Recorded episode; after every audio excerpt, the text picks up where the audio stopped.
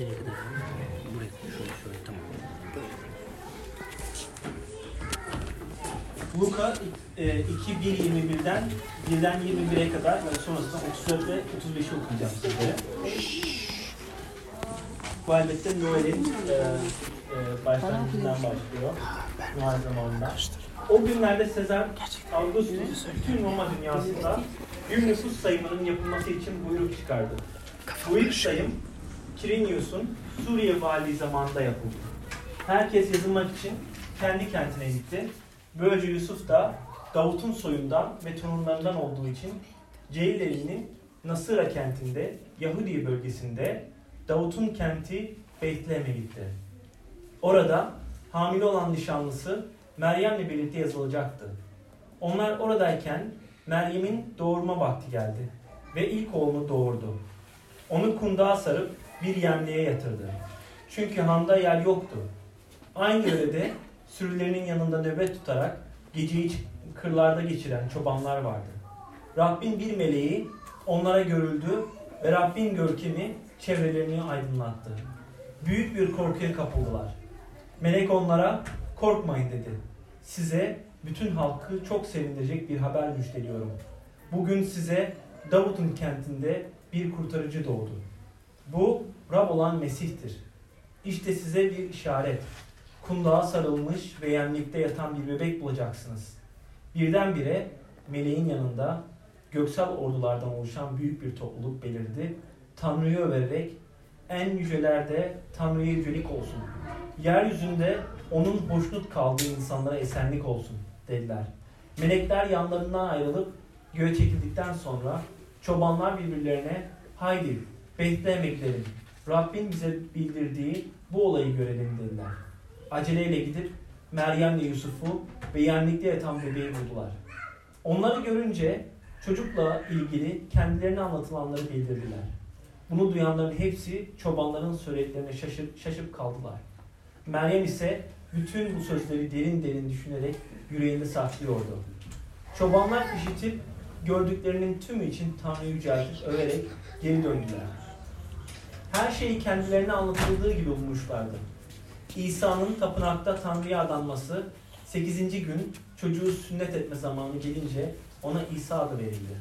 Bu onun anne rahmine düşmesinden önce meleğin kendisine verdiği isimdi.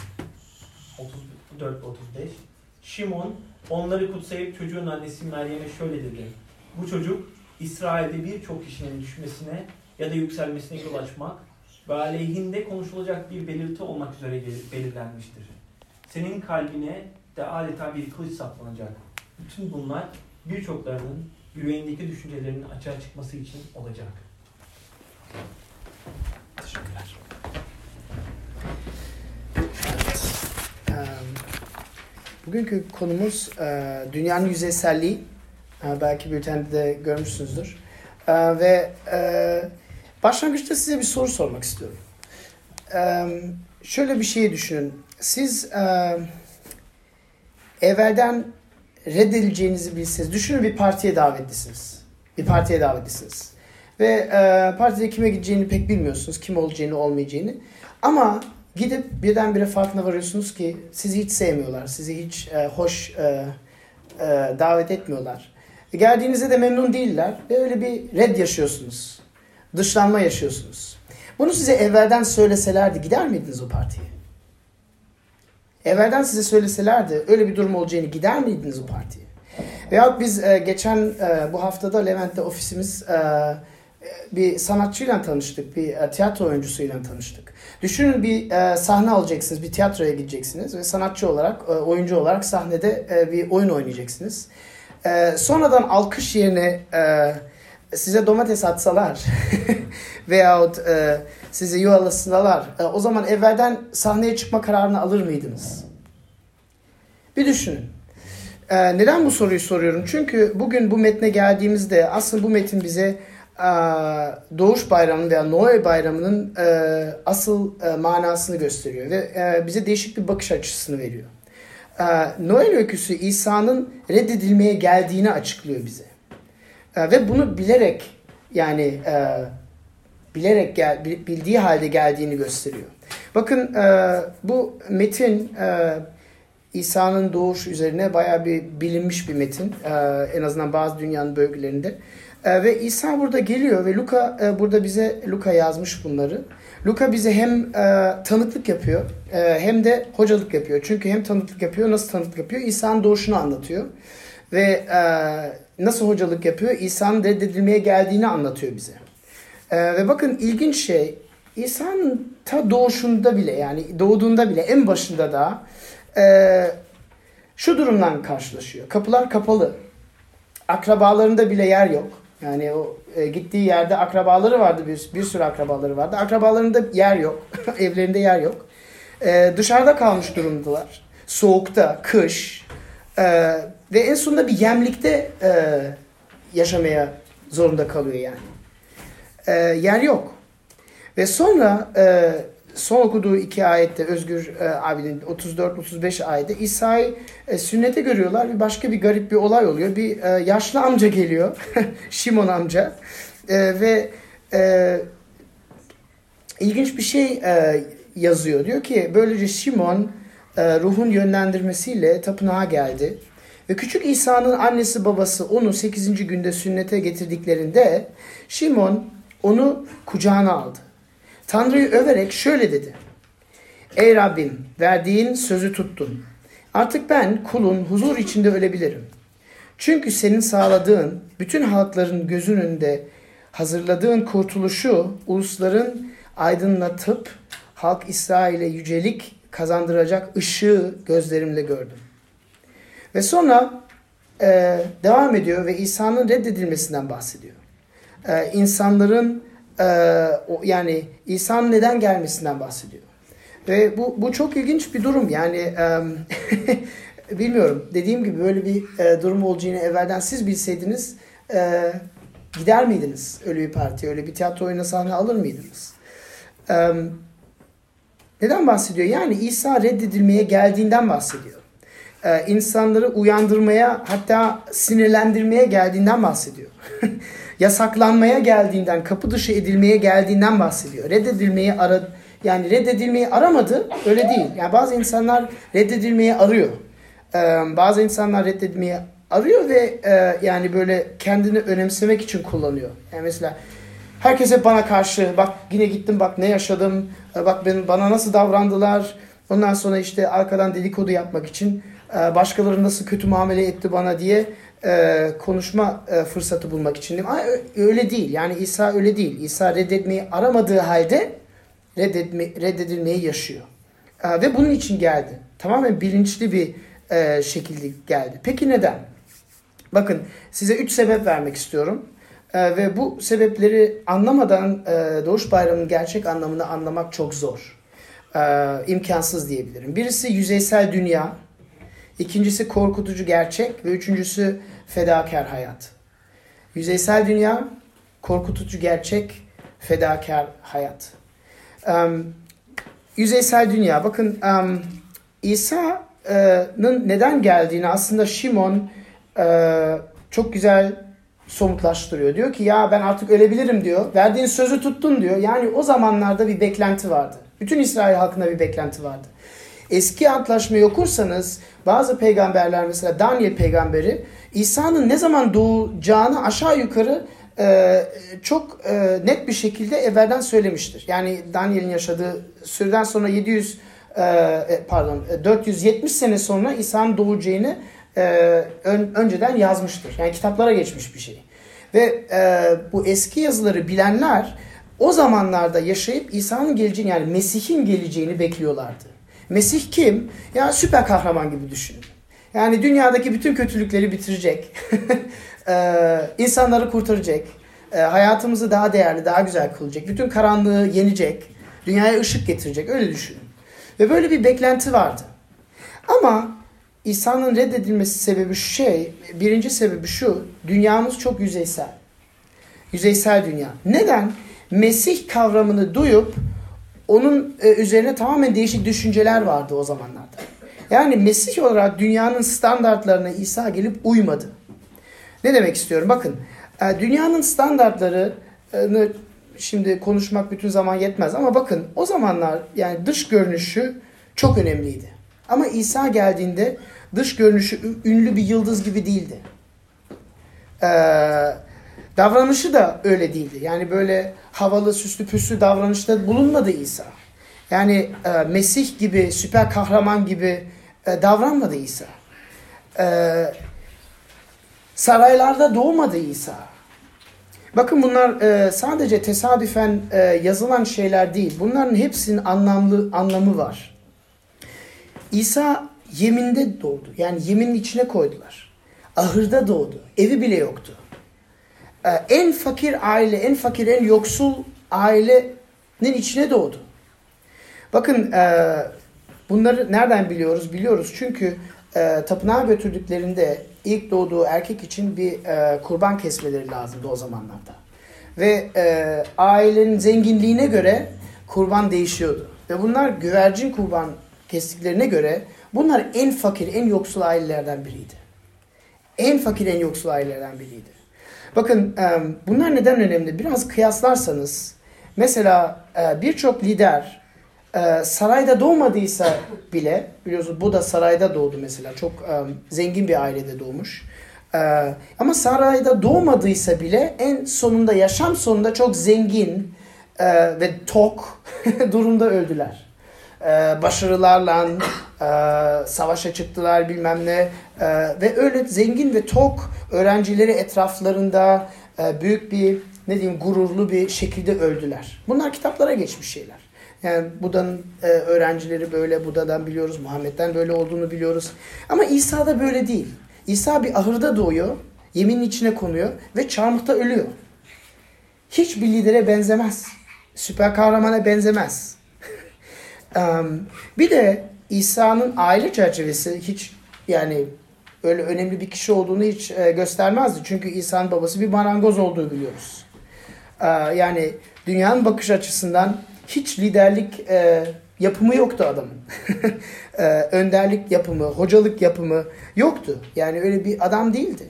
Hatta İsa öğretmeye başladığında e, etrafındaki köydeki insanlar ya sen ne yapıyorsun burada? sen niye bize hocalık yapıyorsun? Sen git marangozsun sen git babanın yanına. Seni kabul etmiyoruz hoca olarak. E, öyle bir durumlar yaşıyorsunuz. Ee, ve Markus 6. bölümde özellikle işte bunu vurguluyor. Diyor ki köydeki dostları, akrabaları, e, tanıdıkları İsa'ya en fazla reddeden kişilerden biriydi. Çünkü neden? Bütün saydığım sebeplerden. Ee, marangoz çocuğu, yoksul. Hatta e, öyle bir durum vardı ki birçok bir insan tahmin ediyordu ya bu çocuk ya gayri meşru, meşru bir çocuk yani ya gayrimeşru bir çocuk biliyorsunuz ara sıra oluyor. Ee, iki insan evleniyor. Ondan sonra dört ay sonra çocuk doğuyor. Şimdi siz bunun hesabını kendiniz yaparsınız. O zamanlarda büyük bir ayıp bir durum yani olmayacak bir durum. Ee, saklanamaz bir durum. Hatta köyde hiç yani böyle dedikodular hemen çıkar meydana. Ya öyle İsa'nın böyle birisi olduğunu işte arkadan konuşuluyordu. Böyle birisi lider olamaz ki gayri, gayrimeşru bir çocuk, e, yoksul aileden doğmuş marangoz çocuğu. E, babasının erken öldüğünü tahmin ediliyor. Çünkü e, hiç babası ilgilenemiyor sonradan. Hiç kitaplarda çıkmıyor. Annesi büyütmüş. Sosyal bakımdan dışlanmış birisi. E, ve yani böyle birisi önemli olamaz ki. Yani saraylarda yaşamıyor. Ayrıca Yeşaya'nın 53 bölümüne bakarsanız Yeşaya peygamber bin sene ya milattan önce bin, hemen aşağı yukarı bin sene evvel yaşadı e, yakışıksız birisi olduğundan bahsediyor. Bakın okuyayım size ikinci ayet, ikinci ve üçüncü ayet diyor ki bakılacak biçimden, güzellikten yoksundu. Gönlümüzü çeken bir görüntüsü de yoktu. İnsanlarca hor görüldü. Yapayalnız bırakıldı. Ee, yakışıklı birisi değildi. İyi görünümlü birisi değildi. Çirkin ve hor göründüğünden bahsediyor e, kutsal kitap kendisi. Yani dünya standartlarına göre yüzde yüz zıt giden bir yapısı vardı adamın. Peki ünlü yıldızın yapısı nasıl olması lazım? Biliyor musunuz ünlü yıldız? Hiç bilmiyor musunuz? Siz müzik dinlemiyorsunuz. Tiyatroyu izlemiyorsunuz. Sinemaya da gitmiyorsunuz artık. Ünlü yıldızın yapısı nasıl? Çok mu şaşkın size soruyorum. Bu kadar az kişi var neden? E mesela Türkiye'de de öyle. Çok güzel ya da çok yakışıklı olur. Çok yakışıklı, çok güzel değil mi? E, Fidan gibi çarpıcı, muhteşem güzellik hanımlar için tabii ki. Erkeklerden bahsedersek yakışıklı, kasları yerinde, adaleler yerinde, vücut şekli güzel. Ha? Öyle. E, Peki içerisinde içsel varlık nasıl? Önemli değil. Önemli değil. Ünlü yıldız olmak için önemli değil. Ama birçok zamanlar içsel varlığı yıkıntı dolu, döküntü dolu, insan enkazı dolu. Ama önemli olan dış görüntü, dış görüntüsü. Yani içinden içinden dökülsen bile hiç kimsenin umurunda değil. Önemli değil. Yani dünyanın standartına göre önemli değil. Hatta benim tezim şu ki ya bugün ve sadece bugün olduğunu zannetmiyorum ama genelde ünlü yıldız olmak için e, sadece dıştan her şey mükemmel olması yeterli değil. E, içerisi de yıkıntı dolu olması lazım gibi bir durum var galiba. Bunu birçok insanda görüyoruz. E, yani size yeni bir şey anlatmıyorum. Uyuşturucu kullanıyorlar, e, bozuk ilişkiler içinde yaşıyorlar, bir düzensizlik var, hayatı şekle sokamama bir durum, sokamamazlık var. E, ve e, ona karşı bakarsanız e, karakteri güçlü ve düzenli ama dıştan kılıksız insanlar ünlü yıldız olmaz. Olmaz. Dünyanın standardına uymuyor. Önemli olan imajın yerinde olması. E, sosyal medya profillerin yerinde olması. E, dış görünüşü yerinde olması. E, ve kendimizi satabilmemiz yani. Bu dünya böyle ama her zaman böyleydi. İhsan zamanında da böyleydi.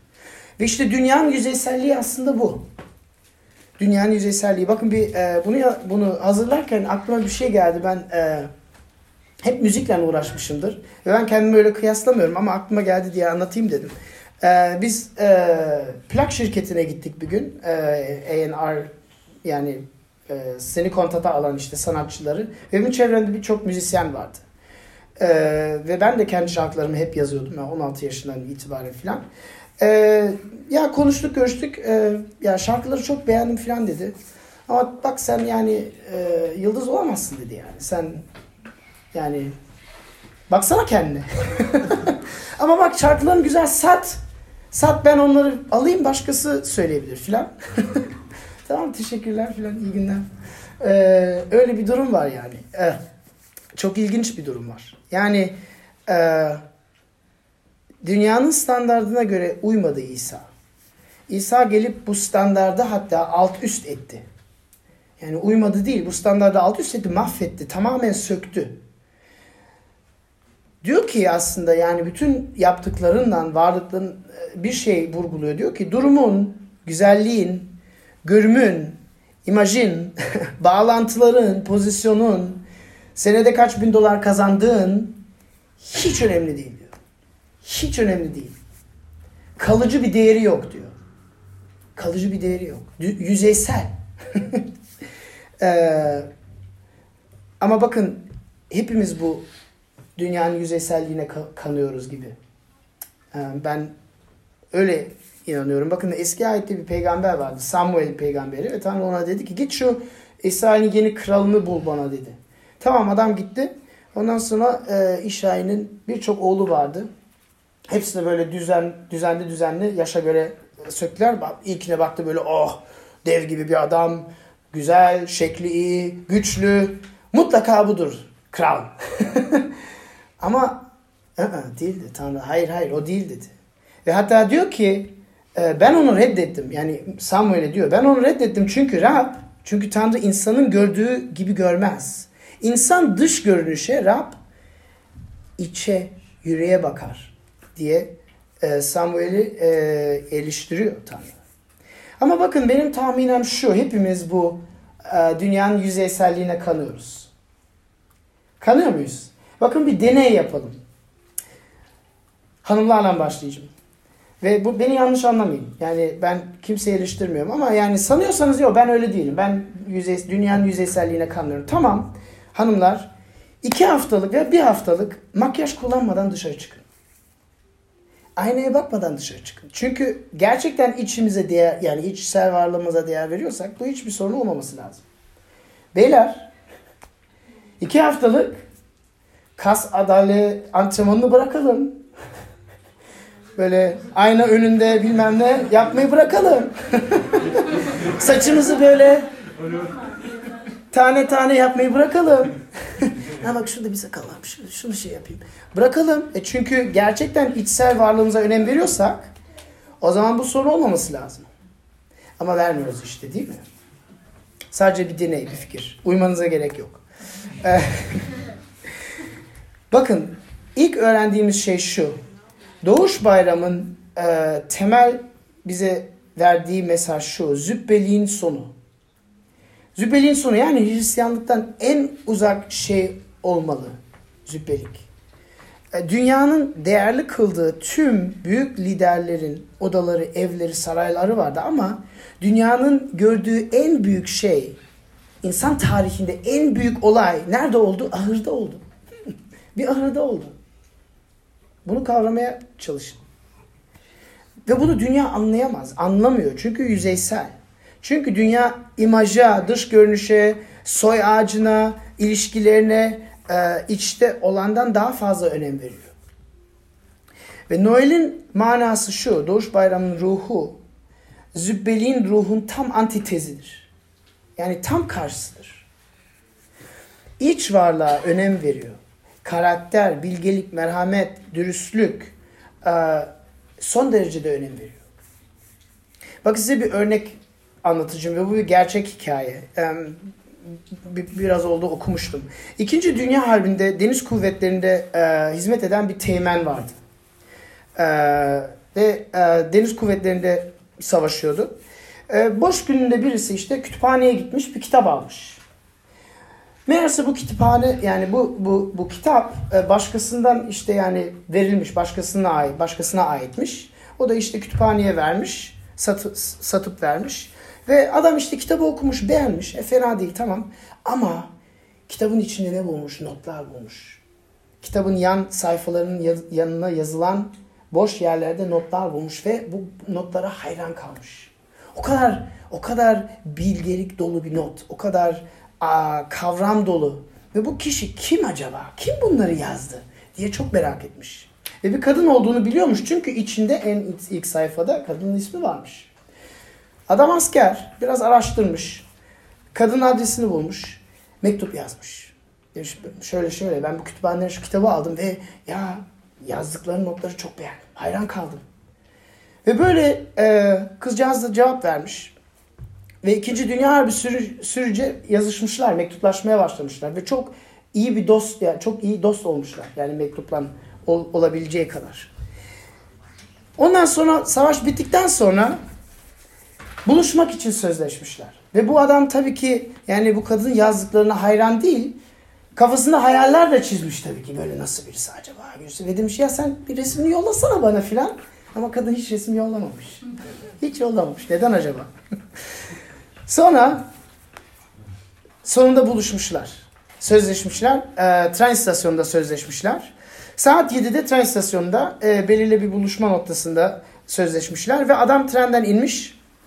Ve e, evvelden son mektupta e, kadıncağız demiş ki bak biz e, kim olduğumuzu bilmiyoruz. Ben yakanda kırmızı bir gül takıcım.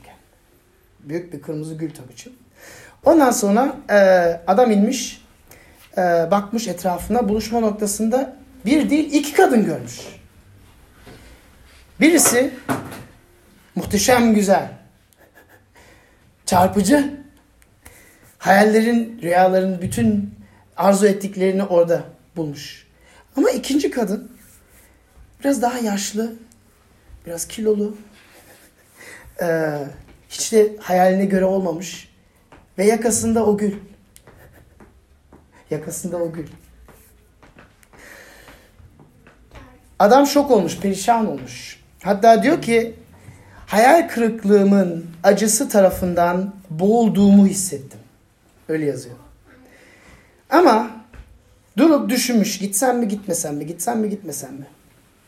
Demiş ki valla demiş yani bu kadıncağız bu savaş sürücü bana o kadar teşvik verdi. Onun sözleri, mektupları beni o kadar e, kuvvet verdi, güç verdi. Bu savaşı sonuna kadar e, yaşayabildim. E, bu aşk da olmasa yine de çok değerli bir insan ve çok derin bir dostluk olabilecek. Gitmiş, demiş, merhaba demiş. Biz galiba yazıştık. Ben Tumen. Tumen e, Mustafa. Sen e, Ayşe olmalısın. Tanıştığımıza çok sevindim. Sizi yemeğe davet edebilir miyim? Kadın da gülümsemiş. Gülmeye başlamış. Oğlum demiş. Sen neden bahsettiğini ben pek bilmiyorum ama biraz evvel yanında duran kadın bana bu gülü verdi. Dedi ki yakana tak dedi. Ve sadece gelip yemeğe davet ederse seni ona söyle ki ben o köşedeki lokantada onu bekliyorum. Demiş. Hepimiz öyle birisini istiyoruz galiba değil mi? Hepimiz bu hikayelere e, bayılıyoruz. Bakın bilmemiz gereken şey şu. İsa'nın yakışıksızlığın, yoksulluğun altında güneşten daha şiddetli parlayan bir güzellik var. Örtülü bir güzellik. Saklı bir güzellik. Ve e, bir e, teolog şöyle diyor. İsa'nın sıradanlık perdesinin arkasına onun köydeki insanlar bakamamıştı diyor. Yani sıradanlık perdesinin arkasına bakamış. Çünkü baksalardı mutlak güzelliği görürlerdi diyor. Bakın insan bunu anlar anlamaz. Bu dünyanın standardın biraz acayip olduğunu anlar anlamaz. Kendini şöyle der. Gerçekten önemli olan benim dış görünüşüm değil. Benim içimdeki olanlar. Yüreğim, merhametim, başka insanlara nasıl davrandığım, e, sevgi dolu bir yaşam sürmem, şefkatliyim. E, onları geliştirmem lazım. Saatlerce aynanın önünde zaman sarf etmem lazım değil. Çünkü sonsuza dek yani bu bu değerler bitmeyecek.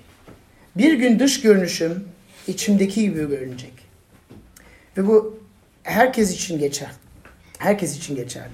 Yani e, bu tabi dünya görüşe göre değişiyor ama Hristiyanlığın dünya görüşüne göre bir gün gelecek içimizdeki çirkinlik dışımıza da çıkacak. Ve bu sonsuza kadar sürecek. Veya içimizdeki güzellik, içsel varlığımızın güzelliği dış görünüşe, dış görünüşümüze de uyacak. Buna hazır mıyız? Buna hazır mıyız? Ve yine Hristiyan e, dünya görüşüne kadar bizim yanıtımız şu. Diyoruz ki buna göre hayatımızı düzenleyelim ki e, bu mevcut durum yani bu geçici durum e, yani dışarıdan güzel gözüküp içeriden çürümüş olmak geçecektir. Yani sonuna kadar uzun bir zaman sürmeyecektir. Bakın bir adım daha atmak istiyorum. Ee, Hristiyan dostlar. Bir düşünürsek aslında bizi de İsa'nın böyle sıra dışı olması rahatsız, sıra yani sıradanlığı rahatsız ediyor bazen. Ee, bir opera var Jesus Christ Superstar diye ben bilmiyorum. Orada diyor e, Pilatus yani İsa'nın hayatını biraz e, e, operaya göre e, düzenliyorlar. E, Pilatus diyor ki ya sen Mesih misin? Ha tamam bir mucize de göre, bu mucize yap da görelim diyor. Bir mucize yap da görelim diyor. Bak gel benim yüzme havuzum var şurada. Şu suyun yüzünde de bir yüz bir, bir, bir yürü diyor. Mesih sen bana bir mucize göster diyor. Ve biz de bazen böyleyiz. Biz e, mucize istiyoruz. Ve e, İsa'nın yapısı biraz değişik. İsa'nın yaklaşımı bazen sıradan bir e, ihtişamdır. O sıradan ihtişamı bizi enjekte ederek bizleri adım adım kendine benzetmek istiyor. Kendine döndürmek istiyor. Ama biz genelde sıradanı idare edemiyoruz. Nasıl idare edemiyoruz? Ya bizim ondan istediğimiz bütün hayatımı hemen değiştir. Derhal, şu an. Hangi hapı yutayım ki hayatım değişsin? Yeşil mi, kırmızı mı, mavi mi? Bizim mantı, bugünkü, özellikle bugünkü mantığımız öyle. Çünkü internette her şeyimiz parmak uzaklıkta ya. Tuş atıyoruz alıyoruz. Beklemeyi öğrenmemişiz artık. Sabırlı olmayı öğrenmemişiz. Ama İsa bizden dayanıklı olmamızı istiyor.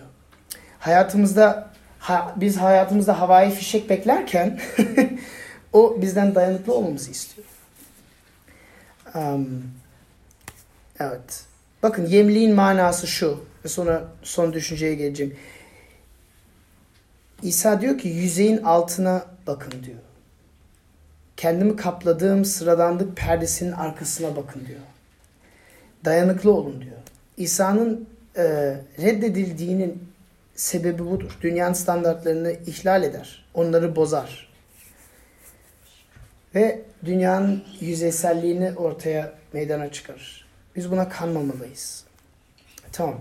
Em, korkutucu bir gerçek. Em, korkutucu bir gerçek. Bakın. em, bu biraz daha ciddi. Kısaca geçeceğim. Diyor ki 35. ayette birçokların yüreğindeki düşünceleri açığa çıkarır diyor. Ne demek? Bakın İsa insanlara devamlı gerçekten kim olduklarını gösterir. Sanki bir ayna gibi. Yani size bir ayna tutar gibi bir durum var. Ve bu gerçekte nedir? Bunu geçen e, pazar çok konuşmuştuk. E, isterseniz dinleyebilirsiniz.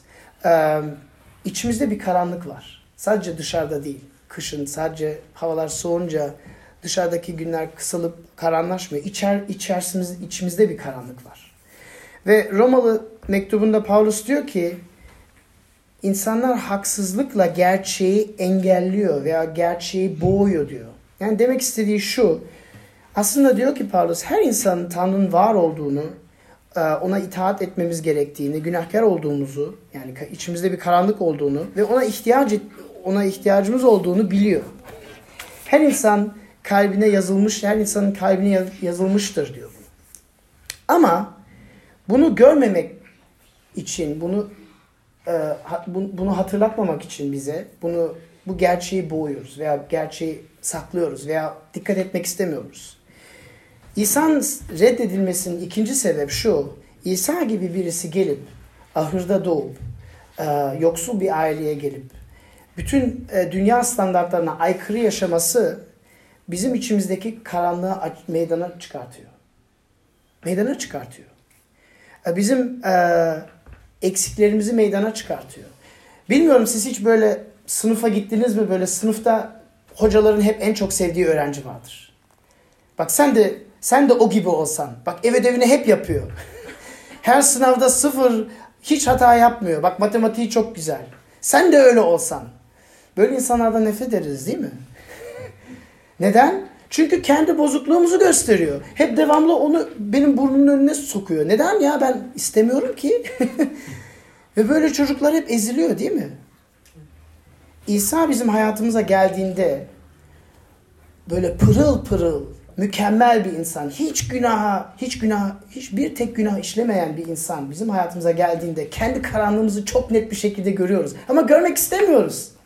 görmek istemiyoruz. O aynayı görmek istemiyoruz. Bizim aynamız siyah boyalı ki içine bakınca kendimizi işte öyle yani. Aa çok yakışıklıyım. Ha dur bak şunu da siyah boyayayım. Ha şimdi oldu. Öyle bir şey var. Ama İsa o aynayı değiştiriyor.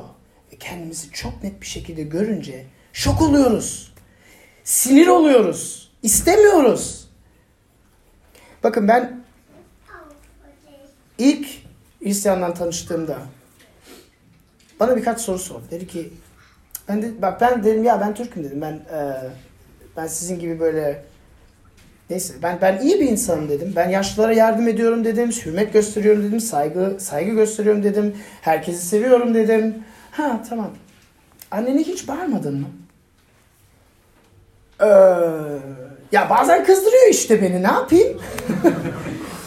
Peki babana hiç yalan söylemedin mi? Ya ama bak işte onları korumak için söyledim. Yani aslında onlara zarar vermek için değil onları korumak için söyledim. Ve böyle gider giderken bir şey fark ettim. Ya ben bütün yaptığım olumsuz şeyler için bir bahane bulduruyorum dedim ya. Bir yerden bir şey çıkarıyorum yani. Ha, demek ki bir gerçek var ve ben onu görmek istemiyorum. Bak İsa hayatımıza gelince bu durum meydana ortaya çıkıyor. Ve onun için onu reddediyoruz. Reddediyoruz çünkü görmek istemiyoruz. Görmek istemiyoruz çünkü acı bir gerçek. Görürsek kendimizi değiştirmemiz lazım. Kendimizi değiştirmek de çok zor bir şey. Yani böyle kolaycana hapı yutup değiştiremiyorsun kendini işte. Ee, onun için e, üçüncü düşünceye geleceğim sizinle beraber. Fedakarlık hayat. Ve üçüncü düşüncede şunu düşünmek, şunu sormak istiyorum. Bu karanlığın çözümü nedir? Bu karanlığın dünya yüzeysel tamam. Ama bizim de bir e, korkutucu bir gerçek var hayatımızda. E, Kendimizin içinde bir karanlık var. Peki bunun çözümü nedir? Bakın İsa dünyanın standartlarını ihlal etti. Reddedilecek durumunu bilerek geldi. İnsanları e, yani insanları e, yıldıracağını, gerçek onları tehdide edeceğini biliyordu ama yine de geldi. Neden geldi? Bakın okudum en başında Şimon diyor ki bütün insanlara kurtuluş, bütün halklara, uluslara aydınlatan ışık geldi diyor. Yani aslında bir beklenti buydu. Ve hatta Yeşaya'ya bir daha bakarsak diyor ki e, önce dış görünüşünden bahsediyor. Ama sonra diyor ki aslında ya biz onu ona değer vermedik diyor ama dördüncü ayette diyor ki aslında hastalıklarımızı o üstlendi diyor.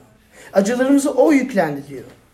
Bizse Tanrı tarafından cezalandırdığını, vurulup ezildiğini sandık diyor.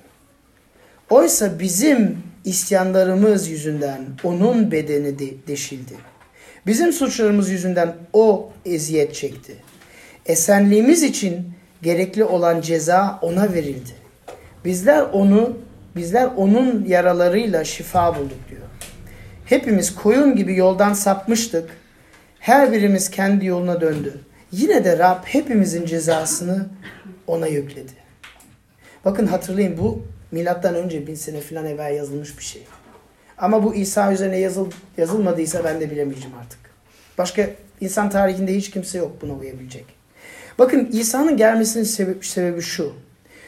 Onun reddedil, o reddedildiği için biz kabul edilebiliyoruz. Yeşaya'nın yazdığı şey o. Feda, o kendini feda ediyor ki biz kabul edilebilelim. Bakın okuyun. Ne diyor? Bizim isyanlarımız yüzünden onun bedeni deşildi. Bizim suçlarımız yüzünden o eziyet çekti. Esenliğimiz için gereken ceza ona verildi. Bir değiş dokuş var burada arkadaşlar. Bir değiş dokuş var. İsa bunu bilinçli şekilde kabul etti. O bizim kurtarıcımız olarak geldi. O bizim vekilimiz olarak, temsilcimiz olarak, bedelimizi ödeyen birisi olarak geldi. Bizi bizim yerimizi alacak olarak birisi geldi. Ne demek? Bakın İsa biliyordu ki o kabul edilseydi ve haklı olarak kabul edildi. Çünkü günahsız bir yaşam yaşadı. Her dinde size şöyle söyler. Günahsız yaşarsan cennet senindir artık. Ama İsa onu kabul etseydi hiçbir insan kurtulamazdı. Çünkü içimizdeki karanlık var. Ama İsa hak ettiğini feda ettiği için, hak ettiğini bize armağan ettiği için ve bizim cezamızı o kabul ettiği için bu ya ondan geldi. Ya onu yapmaya geldi. Reddedilmesi, kapı dışı edilmesi, azarlanması, ezilmesi, hayat boyunca dışlanması bizim için oldu. Rab size İsa'nın doğuşuyla sizi ne kadar sevdiğinizi, ne kadar sevdiğini, size ne kadar değer verdiğini gösterir. Ama aynı zamanda bizde ne kadar fazla karanlık olduğunu da gösterir. Bu bir e, nasıl diyeyim bir e, para parçanın iki tarafı gibidir. Tanrı bir yandan diyor ki bak diyor sen senin sadece hayatında bir iki tane sorunun değil. Senin gerçekten bir sorun var. Sen bataklığa kadar batmışsın, buradasın. Birisi seni çekmezse gideceksin yani. Öyle sadece birkaç tane sorun değil, gerçekten sorunlar. Sen zannettiğinden çok daha kötü bir insansın. Tahmin edebileceğinden çok daha kötü bir insansın. Ama aynı zamanda hayal ettiğinden de daha fazla değer veriyorum sana. O kadar değer veriyorum ki en değerli, en kıymetli şeyimi senin için feda ediyorum. Kendi oğlumu. Geliyor, yaşıyor. Bütün bütün günahları üstleniyor ve bizi kabul edil, kabul etmeye yol açıyor. Bakın bir e, yazar şöyle dedi Georg Herbert dedi ki Hristiyan olmadan en mutlu günlerimde bile içimde ağlıyordum dedi. Çünkü dıştan mükemmel göstersem bile, dıştan her şey mükemmel olsa bile içimde şiddetli bir boşluk vardı dedi. Şimdi Hristiyan oldum dedi ve en üzüntülü günlerimde bile bu üzüntüler bana ezgi söylüyor dedi. Güzel bir resim değil mi? Ezgi söylüyor dedi. Çünkü yaşadığım acılar, reddedilmeler, ezilmeler bile beni Rabbe doğru ilerlettiğini biliyorum dedi. Bakın bu pratik bir teşvik. Bunu uygulamak hayatta güzel bir şey. Onun sevgisi ve onun a, kabulünü hissediyorum ve biliyorum dedi. Bu nasıl bir şey? Bu nasıl olabilir? Diye kendi günlük defterine yazdı. Dua edelim. Rabbi İsa sana e, doğuş bayramı için şükrediyoruz. Sen geldin, insan oldun. Um, gelmek mecbur, gel, ya mecbur değildin. E, ama bizi kurtarmaya geldin. Kendini feda etmeye geldin. Um, ve lütfen bu e, bunun değerini bilelim, hayatımıza uygulayabilelim. Um, ve lütfen e, bizi aydınlat, söylediği gibi Şimon. Bizi aydınlat ve doğru yolda götür. Amin.